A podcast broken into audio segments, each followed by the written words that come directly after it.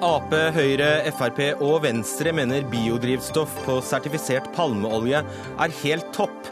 Og det er den samme palmeoljen Rema nekter å godta noen dråper av i påskeeggene fra Freia. Kommunikasjonssjefen på Slottet ringer opp kilder som har uttalt seg om kongefamilien. Virker det truende når hun ringer og sier 'hei, jeg ringer på vegne av Hans Majestet', eller er det helt på sin plass?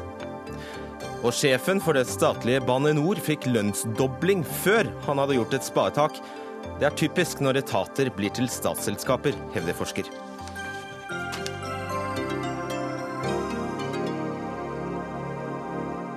Vi ønsker god kveld og velkommen til Dagsnytt 18. Omtrent eh, samtidig som eh, Freia dumpet eh, Nei, omvendt. Som Rema dumpet Freias påskeegg fordi de inneholder noen dråper palmeolje, viser det seg altså at eh, nær sagt alle kjører rundt med ren palmeolje på tanken. Politikerne gjorde følgende. For å få mer drivs- biodrivstoff på markedet fjernet de alle avgifter over de 7 prosentene som må blandes inn. Og da ble biodrivstoff så billig at salget har overgått det alle hadde forventet. Allerede i fjor var vi to tredeler på vei mot 2020-målet. Ola Elvestuen, nestleder i Venstre. Dere har pushet fram denne løsningen. Dere har ønsket eh, full avgift for biodrivstoff under omsetningspåbudet og null over. Var det sånn du ville ha det? Ja, vi, vi, har vel jobbet for at du skal få begge deler. At du skal ha et omsetningskrav, sånn at vi sikrer den økningen i bruk av biodrivstoff fram mot 2020 og utover. Men at, samtidig, men, at du samtidig også da har et, muligheten for et avgiftsfritak, sånn at vi får, får en, en, en, utvikling utover omsetningskravet. Ja, og dette er nødvendig. Vi skal altså redusere utslippene med 50% Det skal vi gjøre med, må vi gjøre med innenfor transportsektoren fram mot 2030. Det er klart det må skje gjennom, de, gjennom å satse på el, det må gjøre med å satse på hydrogen, biogass, men du vil også for, måtte klare det. For å kunne klare det, så må du også ha biodrivstoff inn i en overgangsordning. Så dette er helt etter planen? Det er, det er, positivt at vi nå har så stor omsetning. Og så er det klart at du skal videre Du skal stille strengere krav. Nå skal alt også være, ha bærekraftskriterier. Det, det, legger man nå til grunn. Og så skal du også bevege deg mot å ha avansert biodrivstoff, altså fra avfall, fra skogsavfall eh, inn i framtida, som jo gir en enda større effekt enn det første. Rasmus eh, Hansson, det, mm, du er stortingsrepresentant for Miljøpartiet De Grønne. Hva syns du om at Venstre her sier at det som nå skjer, han kaller det en mulighet, det som nå skjer, er helt greit? Ja, Det er jo helt åpenbart at det ikke er helt greit. Fordi det som nå skjer, eh, står i fare for å undergrave tiltroen til den biodrivstoffsatsingen, som er en eh, begrenset, men nødvendig del av overgangen til eh, nullutslippstransport, som skjer veldig fort. Men palmeolje har ingen tiltro i det norske markedet. Og når folk får vite eh, etterpå av media at det selges mye palmeolje eh, i norsk biodrivstoff, og vi samtidig vet at de sertifiseringsordningene som finnes for palmeolje i dag, er det veldig store spørsmål med.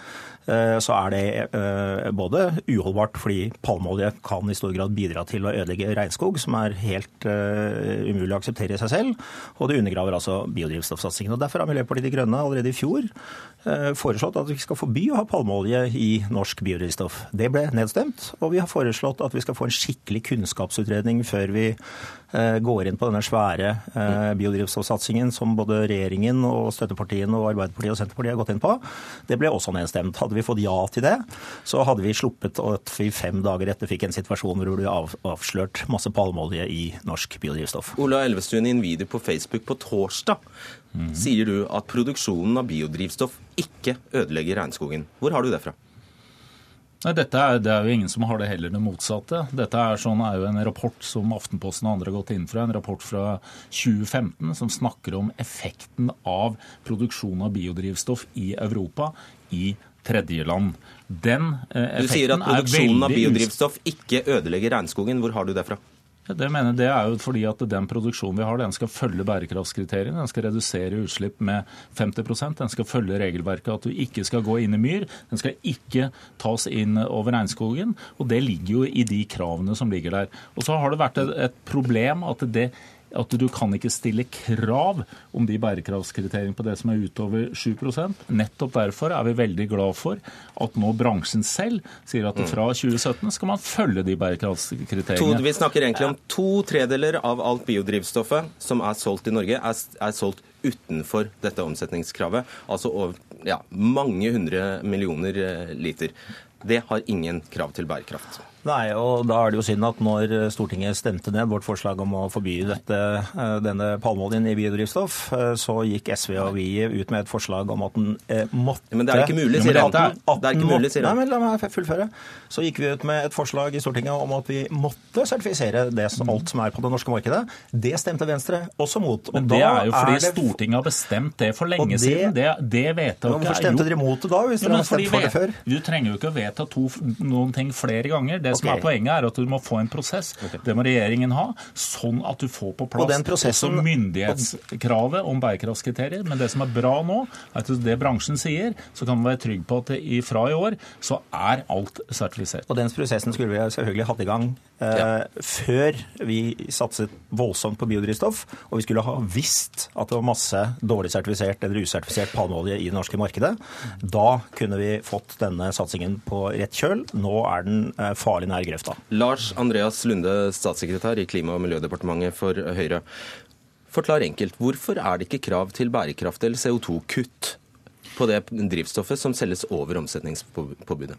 Eh, det er fordi at eh, det kan være i strid med EUs drivstoffkvalitetsdirektiv. Har du sjekket om det er det? Ja, Klima- og miljøministeren holder på å sjekke det nå med ESA. hvorvidt er Det Det kan også være i strid med WTO-regelverket. Det er også noe vi må, eh, må, må, sjekke ut. Det er klart at Hvis vi skal kunne forby dette, eller innføre, eller, eller eventuelt ikke ha avgiftsfritak på det, så må vi være sikre på at det er innenfor EU-lovgivningen. Men jeg vil også si at den biodrivstoffet som selges innenfor øh, omsetningspåbudet, og innenfor den opptrappingen av omsetningspåbudet opp til 20% som regjeringspartiene og Venstre og Kristelig Folkeparti har blitt enige om.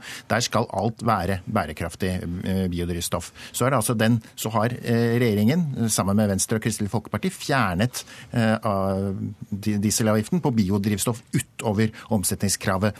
Det har vi gjort ikke minst for å stimulere til norsk produksjon av annengenerasjons biodrivstoff fra skog. Det er jo ikke norsk du har fått, da. Det er jo, det, er jo, det er jo palmeolje du har fått. Det er fordi at etter at den forrige regjeringen, den rød-grønne regjeringen innførte en avgift på biodrivstoff, så slo det beina under norsk produksjon. Nå er det viktig for oss å få opp en norsk industri som kan produsere bærekraftig, miljøvennlig biodrivstoff i fremtiden. Da er vi ved kjernen, ja, men det, vi snakker om mange år da, eh, fremover. Da er vi ved kjernen. Ditt eget parti, sammen med Arbeiderpartiet, Frp og Venstre, eh, har sagt i en merknad i Stortinget følgende at drivstoff på palmeolje er fullt ut akseptabelt, forutsatt at det oppfyller EUs bærekraftskriterier. Du, e, står du ved det? Ja, det betyr at det er forskjell på palmeolje. Palmeolje som er produsert på en bærekraftig måte, altså at man ikke har ryddet unna regnskog for å produsere palmeolje, den er innenfor EUs bærekraftskriterium. Men palmeolje som er produsert ved at man har ryddet regnskog for å plante palmeolje, den er ikke innenfor EUs palmeolje. Så palmeolje er greit, bare det er sertifisert? Ifølge EUs bærekraftskriterium så er det greit, og vi forholder oss til EUs bærekraftskriterium. Så vil jeg si at vi jobber jo også samtidig for å stramme det inn, men vi forholder oss til de kriteriene slik de er i dag. Der har du det, Rasmus Hansson. Ja, og dere vet veldig godt det som alle vet, nemlig at uh, EUs bærekraftskriterier er ikke gode nok til at man vet uh, hvor palmeoljen kommer fra, om den kommer fra noe som er helt streit uh, produksjon, eller om den faktisk kommer fra en ny regnskogshogst. Og Det er fordi at det uh, sertifiseringsregimet er så dårlig, så har det veldig lav tillit. Og dermed så har den hovedsatsingen som Høyre og Fremskrittspartiet og støttepartiene eh, har lagt inn, lagt inn for eh, norsk, eh, norsk, klimapolitikk, nemlig biodrivstoffsatsingen, den er altså basert på eh, palmeolje som det er veldig stor fare for at ikke er bærekraftig. Og det ødelegger potensielt både regnskog og biodrivstoffsatsingen. Og det var akkurat det Miljøpartiet De Grønne ba dere om å samarbeide med oss. Hvor, ja, hvor, nei, nei, nei, du skal få et spørsmål. Hvor rart og merkelig er det ikke at den samme palmeoljen, og nå snakker vi bokstavelig talt den samme palmeoljen, som altså Rema ikke vil ha i påskeeggene fra Freia, skal vi kunne kjøre rundt på. Ja, nå, Hvor snålt er? Nå er det også fordi palmeolje er heller ikke veldig sunt, så det er også en del av grunnen til at vi ha det i regnskogen primært. matvarer. Ja, men det er, dette, dette, handler jo også om at vi må gjøre flere ting samtidig. Og nettopp derfor, nei, svar på det jeg nei, nettopp derfor så stiller vi også krav om at du skal bevege deg videre, at du skal ha avansert biodrivstoff. Men jeg mener jo at det er ikke sånn at det per definisjon i seg selv at det er palmeolje som produkt som som er eh, ødeleggende. Det kan også være produksjon av palmeolje som er eh, bærekraftig, og det må vi også legge til grunn. Zero og Regnskogfondet er altså helt uenige med dere i det. Hvordan forklarer, hvordan forklarer du det? Og Det viser at dette er en krevende problemstilling, men og at det faktisk er forskjell på palmeolje som er produsert bærekraftig og ikke, ikke, ikke, bærekraftig. Men det er viktig for oss at satsing på biodrivstoff er helt nødvendig hvis vi skal kunne få til at Norge kan nå våre klimaforpliktelser. Vi skal få til det grønne skiftet. Over tid så kommer det til å bli basert på norsk eh, Tror du at folk skjønte at denne biodrivstoffsatsingen skulle bestå av palmeolje? Tror du Nei, det, tror jeg, det? det? tror jeg ikke, og det er heller ikke regjeringens mål. Vårt mål er, Nei, er å få frem en norsk og Derfor måtte vi gjøre noen avgiftsgrep. Og frem til vi får opp norsk strekker norsk produksjon, så må vi da importere denne palmeoljen fra andre steder. Og så er jeg også da veldig glad for det initiativet som har kommet fra bransjen om at ja. deres uh, palmeolje skal være Men biodrivstoff må også være bærekraftig. Det er det som er Vent litt, vent litt.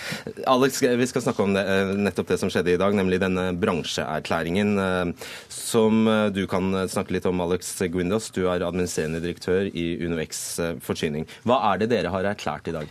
Ja, Vi har uh, klart at uh, all biodrivstoff som omsettes i Norge fra 1.1.17 uh, eh, skal være bærekraftig. Både under omsetningskravet og over omsetningskravet. Og nå snakker du på vegne av alle bensinstasjonskjedene i Norge, kan vi si? Uh, det stemmer. Alle medlemmer av NP, ja. Mm. Og det høres ut som en veldig god nyhet. Blir vi kvitt palmeolje da?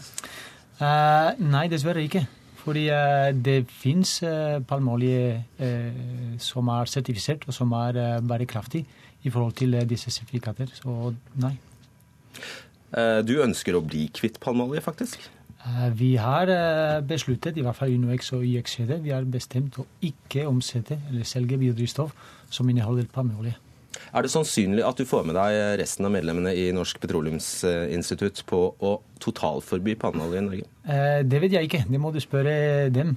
Men i hvert fall vi har gått et skritt videre med å be om bærekraftskriterier for all som omsettes eh, i Norge, all biodrivstoff.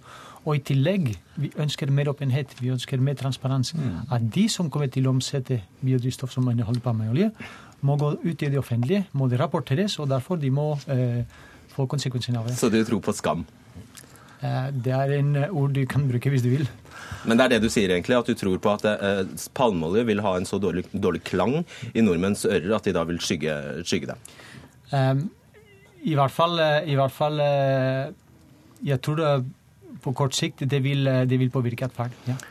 La meg spørre deg ja, to, to, sekunder bare. La meg, la meg spørre deg. Hva, hvilke Grunnen til Hva tror du altså, Hvor mye penger er det å spare på å bruke palmeolje? Hvor, hva, hvilke summer snakker vi om? Ja, det er egentlig ganske store beløp når man sammenligner biodrivstoff lagd av palmeolje og avansert biodrivstoff som er lagt av avfall. Ja. Eh, vi kan lett snakke om eh, tre kroner per liter eller mer. Tre kroner per liter? Ja, det er, og det er ganske stort i forhold til, en, eh, til de marginene vi jobber med i drivstoffbransjen, hvor ti øre er ganske avgjørende, egentlig. Og da er svaret gitt, Rasmus Hansson? Ja, det er jo eh, hyggelig at uh, bransjen er enig med oss uh, om dette spørsmålet, og mindre hyggelig at det er regjeringen som bremser. For det vi trenger nå, er jo at Erna Solberg tar med seg sitt aller viktigste klimatiltak til Brussel og får gjennomslag for at vi får ordentlig sertifisering av alt biodrivstoff i Norge.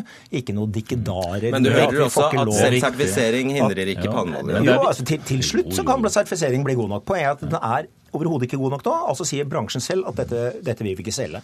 En av de tingene Miljøpartiet De Grønne har foreslått, er å gjøre fossilt drivstoff så dyrt at, vi får, at det blir lønnsomt å kjøpe dyrere biodrivstoff. Dvs. Si biodrivstoff som har høyere bærekraftskrav. Ja, det har stortingsflertallet også stemt imot. Fordi de ikke vil gjøre dette annet enn på lettvinteste måte.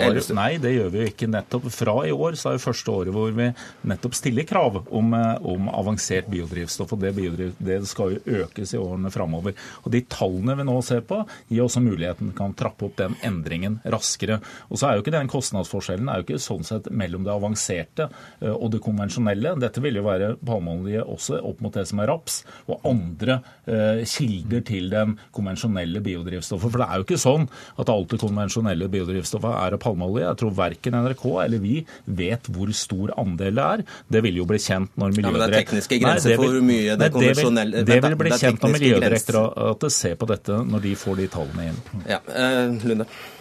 Ja, eh, Det er riktig. og Husk på at vi har også gjort biodrivstoff billigere. og Det er jo hovedgrunnen til at det nå kommer mer biodrivstoff inn for markedet. og Da fikk vi jo støtte også fra Miljøpartiet De Grønne, som støttet at vi fjernet avgiften på, på, biodrivstoff, som gjør at vi nå har fått inn store mengder biodrivstoff. Og da også selvfølgelig og også, palmeolje. Men målet er som sagt at vi skal eh, legge til rette for at vi skal få andregenerasjons biodrivstoff fra norsk skog som er bærekraftig produsert. Og Derfor er det også i opptrappingen av omsetningspåbudet sammen med Venstre og Kristelig Folkeparti et, også et krav om at en andel av dette skal være fra andre generasjons biodrivstoff. La meg spørre deg. Hvis alle land i Europa gjør det Norge gjør nå, nemlig eh, fjerner avgiften over omsetningspåbudet, iallfall insentiverer med avgifter. Hvis alle land i Europa gjør dette på en gang, og det dermed blir enorm etterspørsel etter mange milliarder liter palmeolje, tror du det vil kunne, etter sertifisert palmeolje, tror du det vil kunne gå utover regnskogen?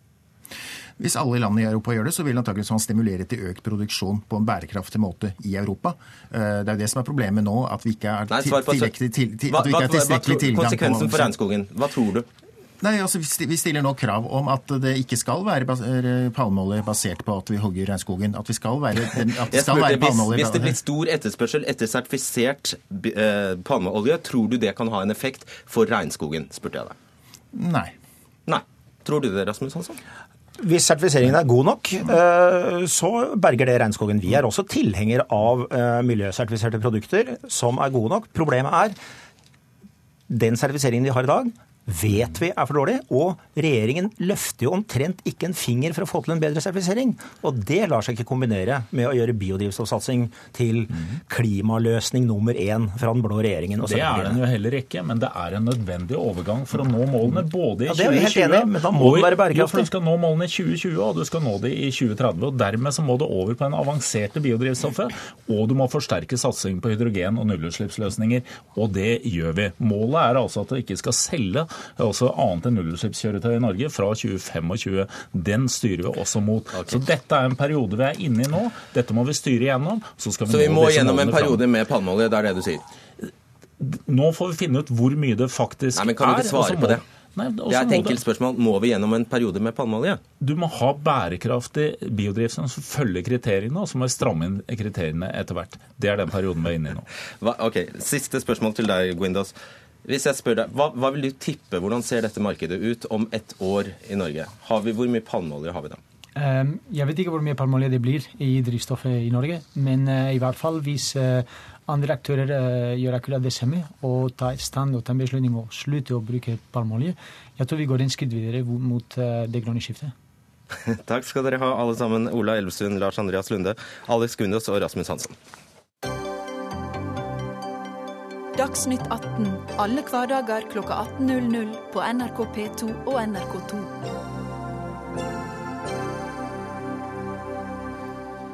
I forrige uke skrev Dagbladet at eh, Slottets kommunikasjonssjef Marianne Hagen har ringt flere av Dagbladets kilder i forbindelse med uttalelser de har kommet med i kritiske artikler om Slottet.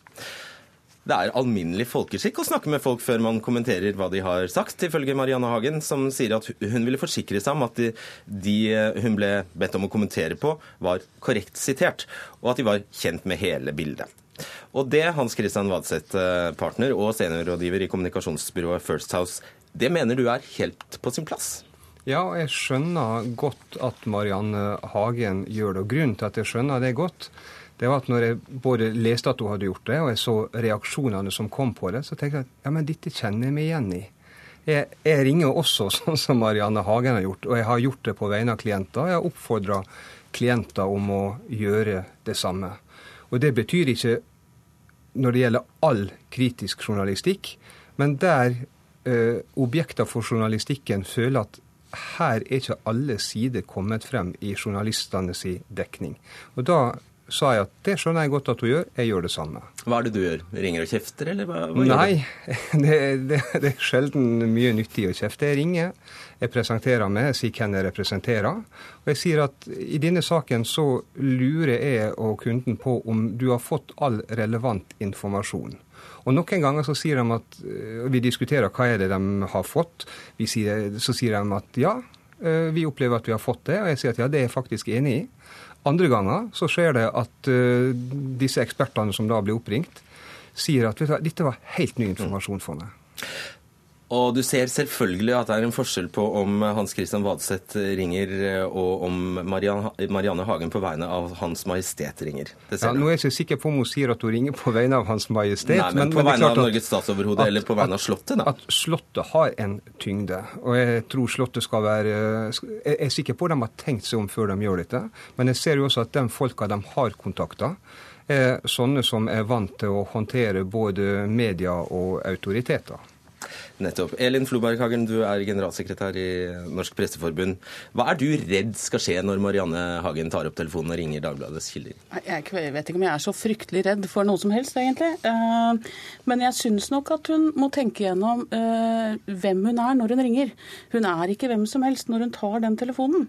Uh, og det er klart at Når hun representerer uh, tross alt kongehuset, da, uh, så, så, oppleves det, tror jeg, som kan oppleves å være en liksom, viss ubalanse i det. Samtidig så, så syns jeg jo Hans Christian Vadsø tar opp noe viktig, og det er jo behovene for faktasjekk, behovene for at man er trygg på, på at det som kommer fram er sant.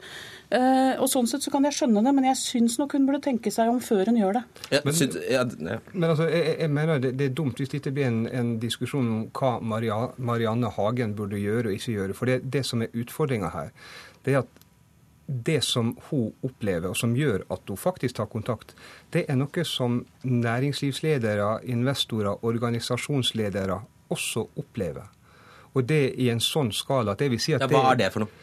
At som objekt for journalistikken så, så, blir det presentert ei historie som verken dem kan kjenne igjen, eller dem som skal kommentere saken, at dem ikke får den hele og fulle informasjonen. Så sier seg at dette skjer hver gang. Her er mye god journalistikk, mange dyktige journalister. Men når det skjer, så har det konsekvenser både for journalistikken sitt omdømme og for den saken som blir presentert. Og det er det vanskelig å si seg uenig ja, men, men jeg synes jo eh, Du går litt i fella med å være litt unyansert selv. ikke sant? Fordi at uh, dette er ikke det vanlige. ikke sant? Og, og, selv i denne saken, som jo har vært uh, dekket de siste dagene, så kommer det jo fram at kildene var informert fullt ut om, om det de uh, uttalte seg om. Og, og, fakta i saken var, var, rett. Og det er klart at kongehuset, som alle andre, må, må, finne seg i å bli utsatt for kritisk søkelys. ikke sant? Og man må ikke forsøke å hindre det gjennom Nei, den type men, metoder. Men, men, og mitt poeng er egentlig mest at jeg syns uh, man bør gå åpent ut, uh, fortelle uh, sin historie.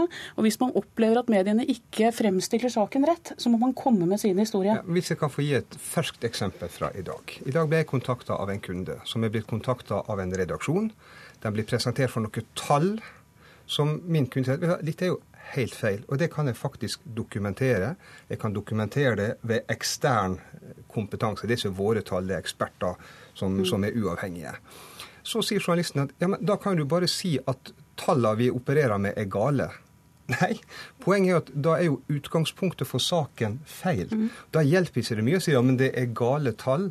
Det er jo det å, å da få diskutert med journalisten at hallo, kan, vi, kan, du bruke de korrekte tallene når, skal, eh, mm. når, denne saken skal presenteres? Det er et godt eksempel på det som skjer, og som skjer oftere, tror jeg, enn det man antar. Og Hva skjedde da? Hvordan endte det?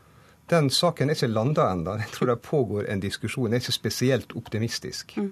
Men, men, eh, hvis jeg forstår deg rett, Vadseth, så mener du at eh, det skjer oftere og hyppigere at eh, det er det du kan kalle slurv eller eh, unnlaten eh, Altså feil, da pga. det som skjer i, i media? Ja, jeg, vil kalle, jeg, vil kalle, jakta på, på vinklinga gjør at visse perspektiv, visse nyanser, visse fakta blir utelatt.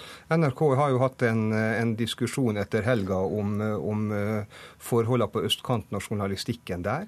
er et eksempel på noe av den samme problematikken som vi snakker om her.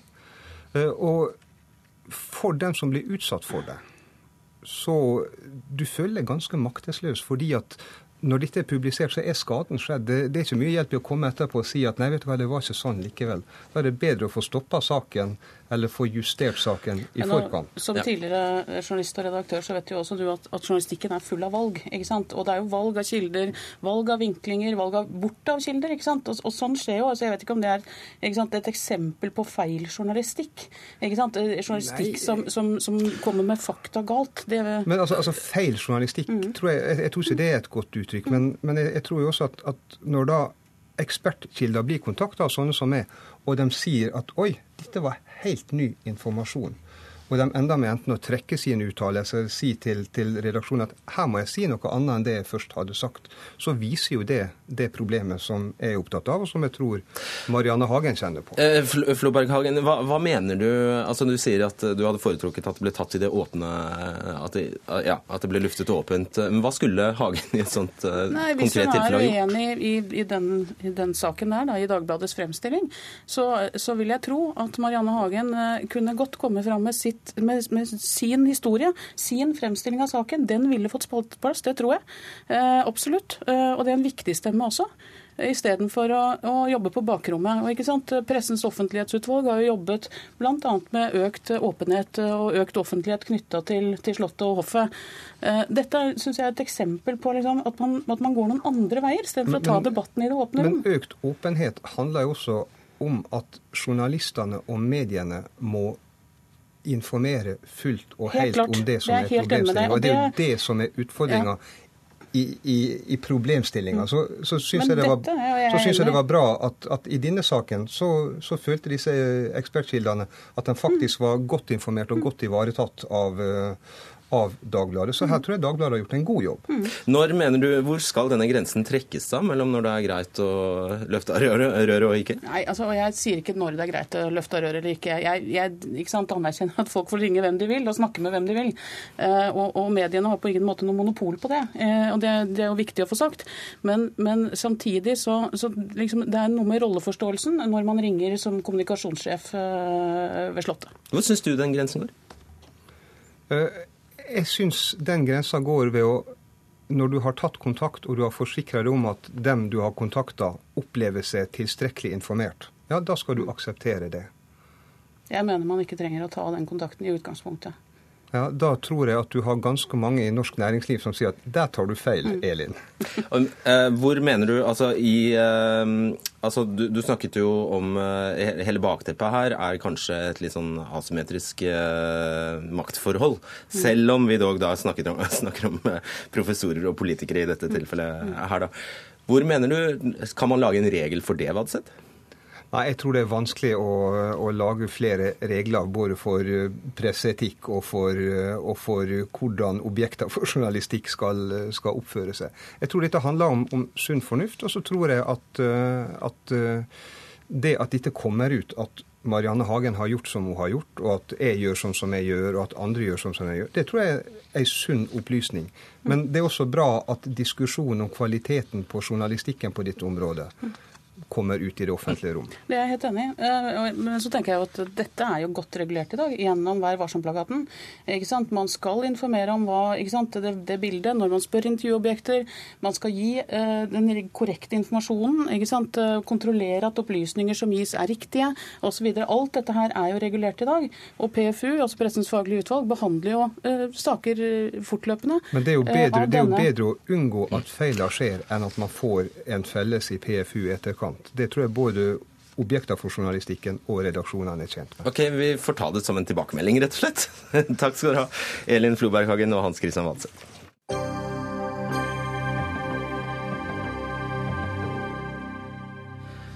Psykiater Marianne Mjåland er lei av å ikke vite om pasientene hennes har godt av behandlingen de får, eller om de trenger behandling i det hele tatt. I et intervju med A-magasinet kommer hun med ramsal kritikk av eget fagfelt. Og Marianne Mjåland, som sagt psykiater, hva er du så kritisk til? Jeg, jeg, det, dette går på flere nivåer. Men oss, når du begynner med det du begynner med nå, så eh, da er jeg til det som gjelder behandlingseffekt og eh, homopati, som jeg spissformulerte det. Fordi eh, at psykoterapi ikke har mer dokumentasjon på sin effekt enn homopati. Det er jo en spissformulering.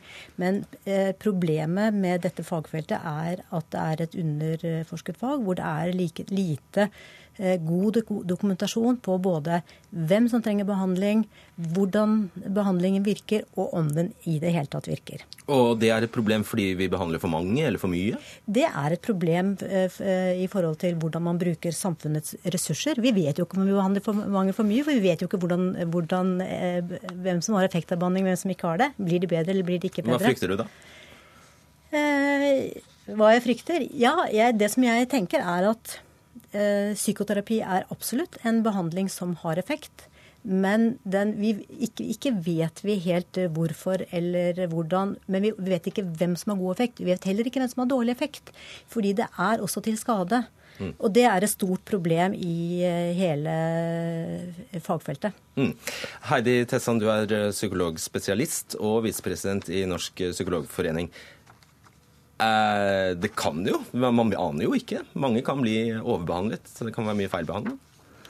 Det kan det selvfølgelig, men sammenligningen med homopati er jo direkte drøy. fordi det er jo den type eh, kommentarer som kan gjøre at folk som kanskje har tenkt i årevis på å ta imot hjelp, og kanskje endelig har samlet seg til mot at nå skal jeg ta imot hjelp, de ender med å ikke ta imot hjelp fordi en psykiater sier at det har like stor effekt som homopati. Eh, det er en drøy overdrivelse. Det som er riktig, er at vi trenger mye, mye bedre forskningsdesign og mye bedre at vi som behandlere må undersøke mye mer om vi klarer å utvikle oss som behandlere, og vi må spørre pasientene om de syns at dette virker. Men det det alle er enige om, selv om, jeg, selv om, det er riktig at det er mange som er uenige om hvilke metoder som virker på hva, og, og, og hvem som blir bedre og dårligere, eh, så er det i hvert fall sikkert at alle disse uenige forskerne er enige om én ting, og det er at psykoterapi virker atskillig bedre enn homopati. Ja, det er greit. Vi kan la den ligge død. Men, men eh, du medgir også da at det kan være mange som eh, i dag får hjelp som rett og slett ikke trenger det? Nei, det er jeg ikke enig i. 80 eh, av ressursene i samfunnet brukes på de 5-6% dårligste. Og nesten alle som er uføretrygdet pga. psykiske lidelser, har ikke fått behandling. Så problemet er snarere at det er en underbehandling heller enn en overbehandling. Og dette har helsemyndighetene skjønt. Men da forutsetter du jo at det er behandling som virker. Og så lenge du har det grunnlagsproblemet at du ikke vet om behandlingen virker og hvem det virker for, så kommer du ikke noe særlig lenger. Men for, noe av problemet her er hva slags type sånn forskning som faktisk foreligger, og hva man, hva man kan trekke konklusjoner eh, i forhold til. Men under det igjen så ligger det et problem med diagnosene innenfor eh, psykisk helsevern. fordi de er, de er, bare en sånn oppramsing av symptomer og er veldig lite presise. Og hvis du har to veldig upresise grupper som du prøver å sammenligne og finne ut virker behandlingen virker ikke behandlingen, så vet du jo ikke hva du sammenligner. Og da kan det jo godt hende at innenfor denne gruppen så er det noen som har kjempegod effekt av behandling. De blir borte. Og det er noen som blir skadet. De blir også borte. Sånn at du, du, du har et kjempeproblem i forhold til eh, kunnskapsdannelsen innenfor dette fagfeltet. Er dette et notorisk og helt uløselig problem? Absolutt ikke. Jeg er helt enig at vi må ha, det er altfor mange diagnoser, og vi må ha mye færre kategorier, sånn at vi kan forske bedre. Eh, men, eh, men, eh, men, det er, men, det er, også sånn at det er veldig mange som får effekt av behandling. Og nå har vi jo blitt i mer og mer grad blitt bedt om å undersøke med pasientene. Det er jo pasientene selv som sier at de opplever at de får det bedre. Sånn at dette tallet er jo ikke bare tatt helt ut av luften, men at det er for mye upresis forskning, og at det er for altfor mange diagnoser i diagnosemanualen. Det er helt sikkert. Trenger man egentlig forskning? Bare pasientene sier at de er, de er happy? Ja, vi trenger forskning for å vite hva det er som faktisk virker. fordi det er jo noe som heter eh, sånn normal tilfriskningsprosesser også. Det kommer litt an på hva slags sånn type lidelse vi snakker om. Men eh, jeg er sånn spesielt opptatt av eh, i forhold til de, hva skal jeg kalle det, de lettere psykiske lidelser. Altså det som er sånn eh, eh, du og jeg, eller kanskje ikke altså de som på en måte er innenfor den sånn eh, friske eller nesten friske, eller har noen eh, absolutt problemer i noen perioder i livet, kanskje, mm. er det de vi skal satse på, eller er det de, eh, de som har de aller syke Men Tessan sier jo det ikke er det, da. Ne, jo, nei, men altså, du sier sånn ja, 80% eller hva du sa, brukes i det. Ja, det skulle bare mangle om man ikke skulle bruke til de aller sykeste. Men det som jeg tenker er en sånn ja, en bekymringsfull tendens i samfunnet nå, er jo ikke nødvendigvis at det per i dag er så mange som blir eh, overbehandlet eller som ikke skulle hatt hjelp, men det er noe med tenkningen rundt hva er det vi trenger når livet butter. Er det en psykolog eh, vi trenger for å støtte oss videre i livet, eller skal vi hente opp ressurser og krefter i oss selv? Og disse eh, jentene f.eks., generasjon prestasjon, som eh, strever, Absolutt. Hvordan skal man få dem, stille dem i posisjon til å ta tak i livene sine? Veldig godt spørsmål. Ja, men dette, dette handler om at vi må komme til tidlig nok. For det vi vet, er at veldig mange som utvikler problemer, de, de, har hjelp av å få behandling tidlig, sånn at ikke disse køene vokser seg store. Vi må komme tidlig til for å hjelpe folk. fordi det vi, det vi, det vi vet, er at helsemyndighetene har skjønt at vi kan ikke bare drive og behandle psykiske lidelser, vi må også forebygge. Og Da må vi se på hva i samfunnet vårt er det som skaper disse helseproblemene. Og så må vi sørge for å f.eks. redusere mobbing, sosial ulikhet. Vi må lage gode, inkluderende miljøer som ikke gjør at folk faller utenfor og føler seg ensomme for det skaper psykisk uhelse. Og så er det ingen som mener at man skal behandle Du ser jo hvor godt det går med disse mobbekampanjene, f.eks. Ja, men da må man, da må, det som er problemet med mobbekampanjer, er at ofte så slutter man å bruke dem når man ser at de har effekt, for man tenker at da er jobben gjort. Men sånn er det ikke. Og det er ingen som mener at man skal behandle folk som strever med vanlige psykiske problemer, eller vanlige psykiske problemer er helt vanlig å ha. Og jeg har lyst til å poengtere det, fordi det å sette opp dette skillet mellom syk og frisk er veldig merkelig, for det er helt normalt å streve psykisk. Og det er ingen som mener at man skal ha behandling for det, men man skal prøve prøve å komme til før problemene vokser seg store. Og dette har helsemyndighetene skjønt. Man skal prøve å komme til før eh, problemene vokser seg store, men ikke med type behandling med psykolog, psykiater, med helsevesenet. Det, der, skal man, der, skal man, der, skal man, drive med sånn, hva skal jeg si, normale intervensjoner. da, altså Gi folk en ordentlig lønn som de kan leve av, barnehage, skoler, den type friske ting og hold helsevesenet unna, la helsevesenet Og det inkluderer psykologene, for psykologene eh, er eh, en del av helsevesenet også. La oss holde oss til det vi kan, nemlig behandle det syke. For vi utvikler en, et skjevt blikk. Vi, ser, vi, jobber med det syke. Vi blir men, gode men på å se det syke. Lurer på da, Hvorfor skulle en eh, psykolog ha interesse av å behandle et menneske som ikke trenger det? Nettopp. Eh, Psykologforening er en fagforening. De har dette... interesser i forhold til sine yrkesgruppe. Det, det er en drøys påstand. Det er, det er, ikke en drøy påstand at det er en fagforening. Nei, nei. Og Psykologforening har vært kjempegode på å fronte sin, sin, uh, yrkesgruppe og sitt fag. Og det er ikke sånn at det er, det er veldig mye bra i det Psykologforening står for, men det med å sykeliggjøre det normale, eller ete seg inn i normaliteten, det er jeg veldig skeptisk til. Og så én ting til, og det er at du, du Det er forskjell på du, Det er ikke sånn at du har litt angst, så får du mer angst, og så har du schizofreni. Det er ikke en sånn glidende overgang. Og det kan hende at noe av dette her blir bra av seg selv hvis man venter litt. Og Det er helt riktig. Men jeg tror kanskje ikke Marianne Mørland helt vet hva psykologers kompetanse er. Fordi vi er jo den eneste profesjonen, til forskjell fra legene, som faktisk har utdannelse på hva som er normale reaksjoner. Og du har helt rett, Fredrik. Hvorfor i all verden skulle vi behandle folk som ikke er syke? Det vi er opptatt av, er å bruke psykologisk kunnskap til nettopp å skape gode, inkluderende miljøer, hindre mobbing, alle de tingene vi vet kan føre til psykiske helseplager. Fordi dere trenger kunder? Og det er det Nei, helsemyndighetene har skjønt at psykologene skal brukes i forebyggende og helsefremmende virksomhet. Det er det som er den nye satsingen på lovpålagte kommunepsykologer nå. Det er ikke å drive behandling med én og én inn på kontorene. Det er nettopp det vi må komme litt vekk fra, og jobbe med å forebygge de store psykiske lidelsene. altså det, det, Angst og depresjon, f.eks. Okay. Så jeg er ikke enig i dette. Men samtidig så er det sånn. Altså det gjelder deg, det gjelder meg, det gjelder alle profesjoner og alle eh, profesjonsgrupper. Man, alle har sine egne interesser også, og det skal man bare erkjenne og, og legge åpen. Men dette er det helsemyndighetene som har bedt oss om. er ikke en menneskerettighetsforening.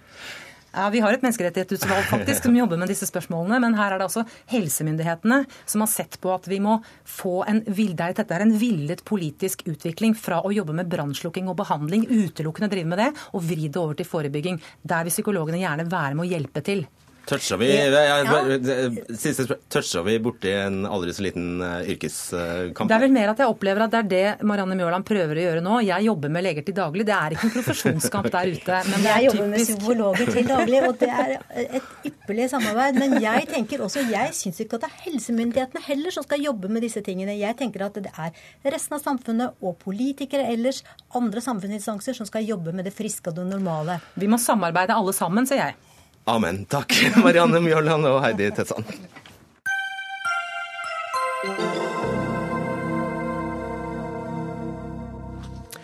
Norske fanger som soner i Nederland, er ikke tilstrekkelig sikret mot tortur, umenneskelig eller nedverdigende behandling.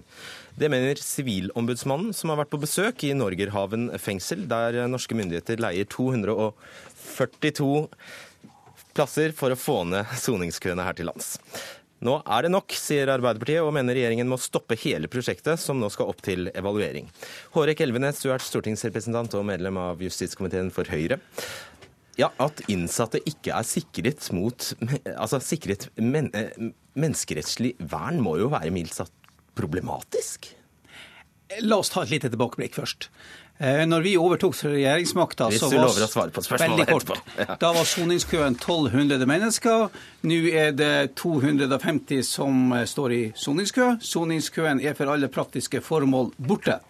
Eh, det har vi klart gjennom å leie fengselsplasser i Nederland. Det har vært en suksesshistorie.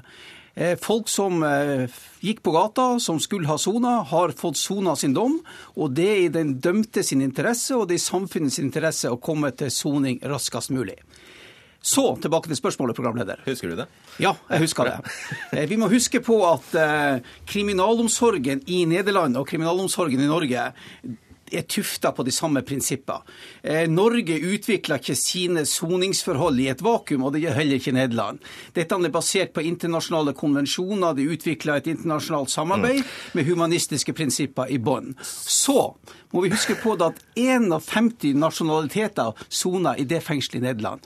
Av de 242 som soner, så er det faktisk 190 utlendinger. De soner under forhold som de ikke bare kunne drømme om hvis de skulle sone i sitt hjemland.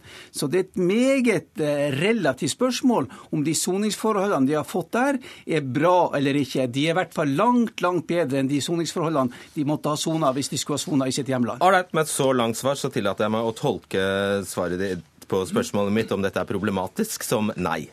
Vi skal gå inn og se på hva dette egentlig er, men det kan jo også være en teoretisert problemstilling. Eh, så vidt meg bekjent så har jo ikke Sivilombudsmannen svart på om dette har vært et problem fram til dags dato, men det er et hypotetisk problem. Og så vidt, ja, ja. Vidt meg bekjent så er det ikke innsatte i de nederlandske fengslene som har lidd overlast eller blitt utsatt for kriminalitet Nei. eller overgrep innad i fengselet. Vet du om det, Kari Henriksen, stortingsrepresentant og medlem av justiskomiteen for Arbeiderpartiet, er dette satt på prøve? Det som er helt sikkert, det er at regjeringen har ansvar for å følge opp internasjonale konvensjoner. Det gjelder alle innbyggerne i Norge, uansett hvor de er eller hvor de oppholder seg. Og det gjelder også innsatte. Det er ganske alvorlig å høre en representant fra Høyre her snakke om alvorlige, eh, mulig, altså en risiko for alvorlig brudd på FNs tortur- og menneskerettskonvensjon og omtaler det som et relativt problem. Vi har nå fått en rapport som slakter regjeringas avtale med Nederland. Den peker på alvorlige forhold. Bare la meg nevne to. Det ene er at det ikke er mulig for norsk politi å sette i gang etterforskning hvis det er mistanke om forbudet mot tortur og menneskelig behandling. Det er særlig problematisk i lys av våre forpliktelser etter FN-konvensjonen. Det sier Sivilombudsmannen. Så sier de at det også er problematisk at myndighetsorganer fra en annen stat i en akuttsituasjon skal benytte våpen og tvangsmidler mot innsatte som er overført til Nederland for å gjennomføre straff.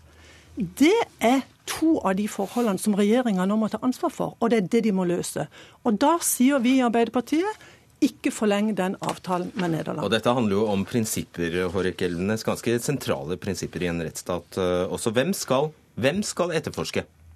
Ja, Nå er jo Nederland også en rettsstat. Uh, ja, men hvem skal etterforske? En tredjedel av de som, sitter, som, sitter i, som er straffedømt på lange dommer, er faktisk utlendinger. Og vi ser at de aller fleste som sitter i fengsel i Nederland, er faktisk utlendinger. Ja, du sa det. Ja. Men hvem skal, eh, hvem skal, etterforske? Norsk eller, vi, vi norsk eller nederlandsk politikk? Vi kommer selvfølgelig til å gå inn i Sivilombudsmannen sin, sin, kritikk her. En mulig løsning kan være her at kun de som skal sone i Nederland, er utenlandske statsborgere som faktisk ikke skal tilbake til Norge. Nå kommer jo denne avtalen til Nei, men Vær så snill, svar på det. Hvem, helt konkret, fordi Det er jo det Sivilombudsmannen sier. Det er et problem at ikke det er norsk politi som etterforsker. Så hvem er det i dag som etterforsker, hvis dette skjer? Ja, Det er jo som eh, Sivilombudsmannen påpekte, det er jo da nederlandsk politi som da etterforsker eventuelle straffbare forhold i det nederlandske fengselet. Men vi må jo også huske på at Nederland faktisk er en rettsstat eh, som eh, bygger sin, sitt samfunn på de akkurat samme rettsstatsprinsipper som Norge. Så jeg har jo full tillit til den etterforskning som nederlandsk politi måtte gjøre i et nederlandsk fengsel, vil være en høyst forsvarlig og rettssikker etterforskning. Det som er saken her, programleder, det er at dette handler ikke om soningskø. Dette handler om prinsipper som Sivilombudsmannen har lagd i en rapport der den norske stat under Erna Solbergs ledelse får ramsalt kritikk. Det er noe regjeringa må forholde seg til. Og det er noe Erna Solberg og Høyre må leve med. At Fremskrittspartiet har fått anledning til å realisere et av sine viktigste områder på kriminalomsorgsfeltet. Det er en helt teoretisk problemstilling? I, nei, det er ikke en teoretisk jo, det er en problemstilling. Teoretisk problemstilling. Det som var, det som var Hvis du har lest hørings... Hvis du har lest, nå er det bare meg som snakker, ikke sant? Hvis du har lest høringsuttalelsene forut for denne saken, så var det det de pekte på nesten unisont, at det var muligheter for brudd på dette. Nå har vi altså fått en rapport som sier at det, det er Tror du ikke du hadde hørt det hvis det var brudd? Det kan godt være vi hadde hørt noe hvis det var brudd, men det er jo en samme regelverket som gjelder for norske fengsler. Det er jo ikke alltid det er brudd, men det forebyggende oppgaven til Sivilombudsmannen er jo nettopp å sikre at ikke det skjer brudd. Og det er jo den forebyggingsperspektivet som Sivilombudsmannen her peker på. Og det er et ansvar regjeringa under Erna Solberg har og må rydde opp i. Og derfor så bør de si opp den avtalen, for det hviler nå et tungt ansvar på regjeringas skuldre den, for dette. Den problemstillingen hadde kanskje blitt tydeligere for deg hvis eh, fengselsplassene var eh, leid i Russland f.eks., eller et eller annet, annet land som på papiret hadde samme rettsstatsprinsipper som Norge? Da hadde det vært et problem. Eh, men vi leier faktisk ikke fengselsplasser i totalitære regimer. Vi leier Nederland som en rettsstat. Problemet er det at for Arbeiderpartiet så er ikke soningskø et problem. For Høyre så er soningskø, soningskø en utfordring for samfunnet. Og det andre problemet er jo at de åtte årene under rød-grønt styre var åtte tapte år for kriminalomsorgen. Da vokste soningskøen. Hadde Arbeiderpartiet vært opptatt av å få ned soningskøen, så kunne man ha bygd fengsler i Norge, og det gjorde ikke. Det ble bygd ett fengsel, og det var Halden kretsfengsel, og det ble sjøsatt under Bondevik-regjeringa. Bare svar veldig kort. Hva skjer med den ordningen? Den har altså eksistert siden 2015? Ja, Avtalen er jo på tre år, og så har man en opsjon, en rett til å kunne til å forlenge avtalen. Eh, hva vi kommer til å gjøre, det kommer jo helt an på. Nå er jo soningskøen borte, så vi har jo løst eh, soningskøproblemet ved å leie plasser i Nederland. Så sånn sett så er jo saken løst. Okay. Jeg bare eh, registrerer at for Høyre, som nå sitter med det tunge ansvaret på sine skuldre, så er det mer behagelig å snakke om soningskø enn det denne saken faktisk gjelder. Dette handler ikke om soningskø fordi regjeringa hadde alternative løsninger før denne avtalen ble inngått. De kunne ha gjort som Arbeiderpartiet gjorde, nemlig å si at vi skal bygge fengsler i Norge, vi skal ta økt bruk av alternative straffegjennomføringsformer. Da hadde vi fått redusert eh, soningskøen. Nå snakker du om soningskø. Ja, men jeg skal bare si at Det løste Arbeiderpartiet tidligere. Men det som er saken, det er at nå sier Sivilombudsmannen at dette er alvorlig brudd på de forhold som Sivilombudsmannen er satt Arbeiderpartiet løste jo soningskøen ved, ved, ved, ved, å kutte ned sonings, eh, soningstiden de eh, straffedømte slapp tidligere ut av fengselet enn det de egentlig skulle ha gjort. Det var Arbeiderpartiet sin måte å løse fengselskøen på. Men du avføyser at Sivilombudsmannen sier at menneskerettighetene til disse innsatte eh, ikke, ikke, kan opprettholdes? Nå er det jo faktisk kø for å kunne sone i Nederland. Det er et veldig populært tiltak. og Det tyder jo seg selv på at menneskerettighetene kanskje er ivaretatt på en ganske god måte. Men igjen, vi skal selvfølgelig gå inn i Sivilombudsmannens rapport og se på om vi kan eh, gjøre ting bedre. Men først må vi jo forlenge avtalen, og det er slett ikke sikkert at vi kommer til å gjøre det, for nå er jo soningskøen fjerna, og den har tjent sitt formål. Kan jeg bare si at det er sjelden jeg hører en Høyre, et Høyre-medlem snakke så lettvint om alvorlige problemstillinger knytta til enkeltindivider og til menneskeretter. Det må jeg si, det har jeg altså ikke opplevd på veldig lang tid. Og jeg opplever her at det eneste, som, det eneste forsvaret, det er altså det som fremstilles som om ikke denne regjeringa hadde noe alternativ. Det har de hatt. De har bevisst valgt et alternativ, som er å sone i Nederland. Til tross for innsigelser fra nesten alle høringsinstanser så valgte de det, og de valgte det med åpne øyne, og det mangla ikke på kritikk. Så det å sitte her og snakke om noe helt annet, det faller på sin egen urimelighet. Altså det er, Sivilombudsmannen reagerer jo da særlig kraftig på at norske myndigheter har fraskrevet seg muligheten til å etterforske straffbare handlinger overfor innsatte i fengsel, og sier at det er faktisk brudd på menneskerettighetene man kan jo se det slik at dere har bare ett å gjøre her, nemlig avvikle denne ordningen sporenstreks? Eh, nei, det er overhodet ikke eh, løsninga, det. Eh, man må se på om, eh, om man kan benytte plassene i Nederland utelukkende av utenlandske statsborgere. Som jeg sa innledningsvis, en tredjedel av de som sitter på lange dommer i Norge i dag, er utlendinger. Eh, man kan benytte det fengselet i Nederland eh, utelukkende til soningsplasser for utlendinger. Det er én måte rundt dette. Og Så får vi gå inn og se på andre mulige måter. Eh, og så får vi se på om vi skal forlenge avtalen med Nederland. Det er jo heller ikke sikkert, i og med at soningskøen nå er borte. Og det har faktisk okay, vært formålet. Vil det hva, hva med en sånn eh, tilpasning, å bare sende utenlandske fanger til Nederland? Nei, Det tror jeg kanskje var tanken i starten. Men jeg tror eh, de signalene de fikk fra diskrimineringsinstanser i Norge og internasjonale konvensjoner som binder oss til ikke å lage et tospora eh, soningsforløp for norske og et for utenlandske som har begått den samme kriminaliteten. Som har begått den samme kriminaliteten i Norge, det tror jeg vil være svært vanskelig. Det som er løsningen her, det er å ikke forlenge avtalen med Nederland. All right, vi får se. Kari Henriksen og Hårek Elvenes. Hør Dagsnytt 18 når du vil. Radio NRK Radio.nrk.no.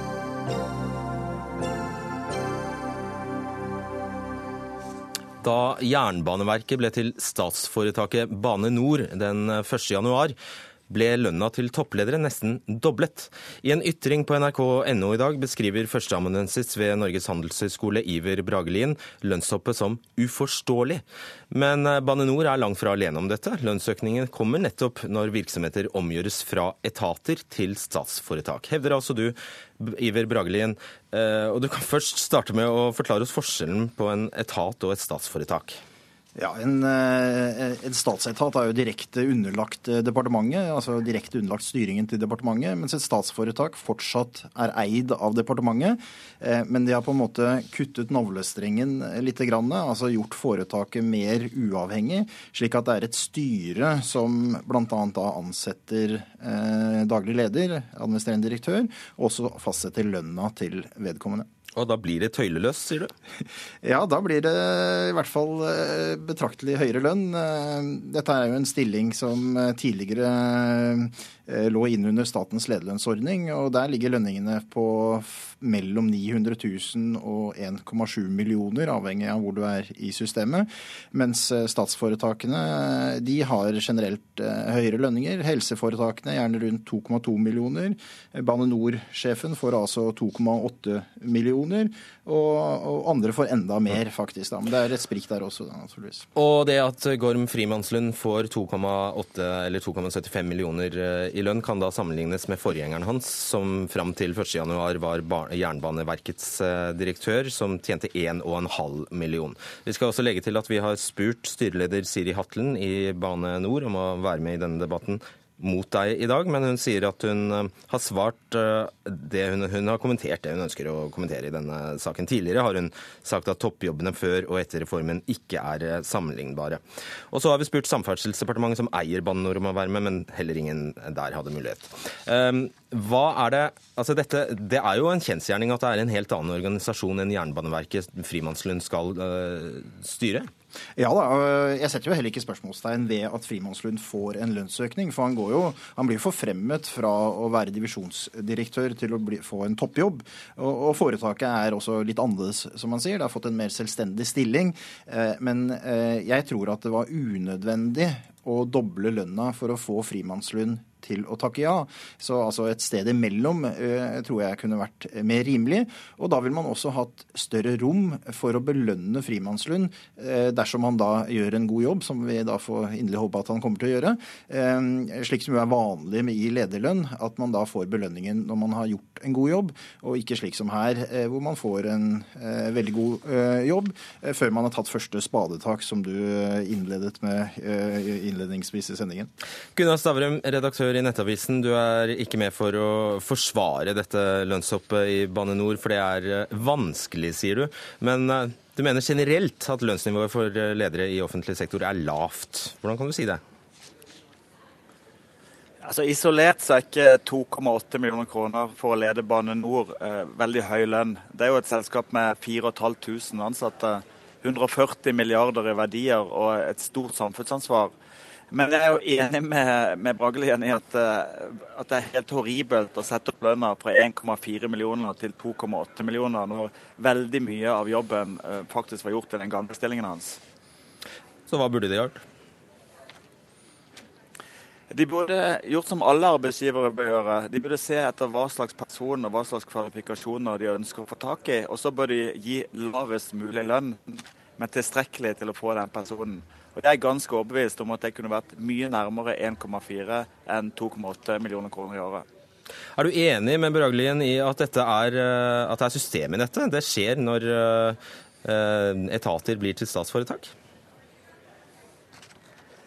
Ja, Det virker sånn. og På et sett så virker det litt som, som disse offentlige lederne skal ha både i pose og sekk. I, i gamle dager så var jo offentlige lederstillinger dårlig lønna, men de hadde Eh, solid trygghet og gode pensjonsordninger. Nå blir de et slags kvasiprivatiserte, men beholder mange av rettighetene sine, men får plutselig mye høyere lønn. Og Det er jo penger ut av vinduet sett fra skattebetalernes side. Mm.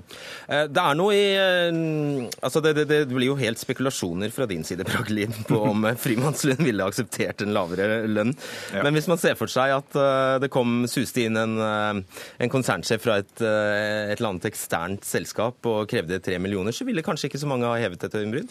Nei, altså det er jo klart en forhandlingssituasjon her, og det er et spørsmål om hvem man ønsker inn i stillingen. Her gikk man for en intern rekruttering, og da vil man tro at man kan slippe unna med en lavere lønn enn dersom man finner ut at eh, nei, her trenger vi en person eksternt, og vi trenger kanskje til og med en person som eh, sitter i en konsernsjefstilling i et større foretak eh, ellers. og I så fall så er det jo lettere å forsvare at vedkommende ikke skal gå kraftig, veldig kraftig ned i lønn, i hvert fall, for å, for å bytte jobb, da, for å si det sånn. Så, så her er det et spørsmål om hva er man nødt til å gi for å få den lederen man ønsker i virksomheten. Og Det er det jeg stiller spørsmålstegn ved, om man har tatt den prosessen, eller om man bare har liksom bestemt seg for lønn, uavhengig av hvem man skal besette stillingen med. Hva skader det? da? Hva det skader? Ja, dette er jo sløsing med, som Stavrum sier, dette er sløsing med statens midler. Eh, det er det ene. Det andre er jo at Eh, det er jo et spørsmål altså Vi har jo da eh, andre eh, ledere i staten som vi kanskje kan sette spørsmålstegn med om får for lite. Altså På statens lederlønnsordning er f.eks. advokater på Riksadvokatens kontor. Og de kunne jo åpenbart tjent mye mer penger andre steder. Og det er også ledere av store etater som man kanskje kunne si burde tjent noe mer enn 1,5 millioner, for å si det sånn. Men Så det blir et litt sånn pussig system hvor du får den store store forskjellen ved at du går over i statsforetak. Da. det, det, er, det, det, gjør jo også, som jeg var inne på, dette her at eh, du fratar deg selv litt eh, muligheter til å øke lønna senere, kanskje. For det er vel litt begrenset hvor høy den lønna egentlig kan bli til slutt. da. Gunnar Stavrum, du er jo en varm tilhenger av markedslønn. Tror du ikke Gorm går med frilanslønn med denne lønna kan inspireres til bedre innsats?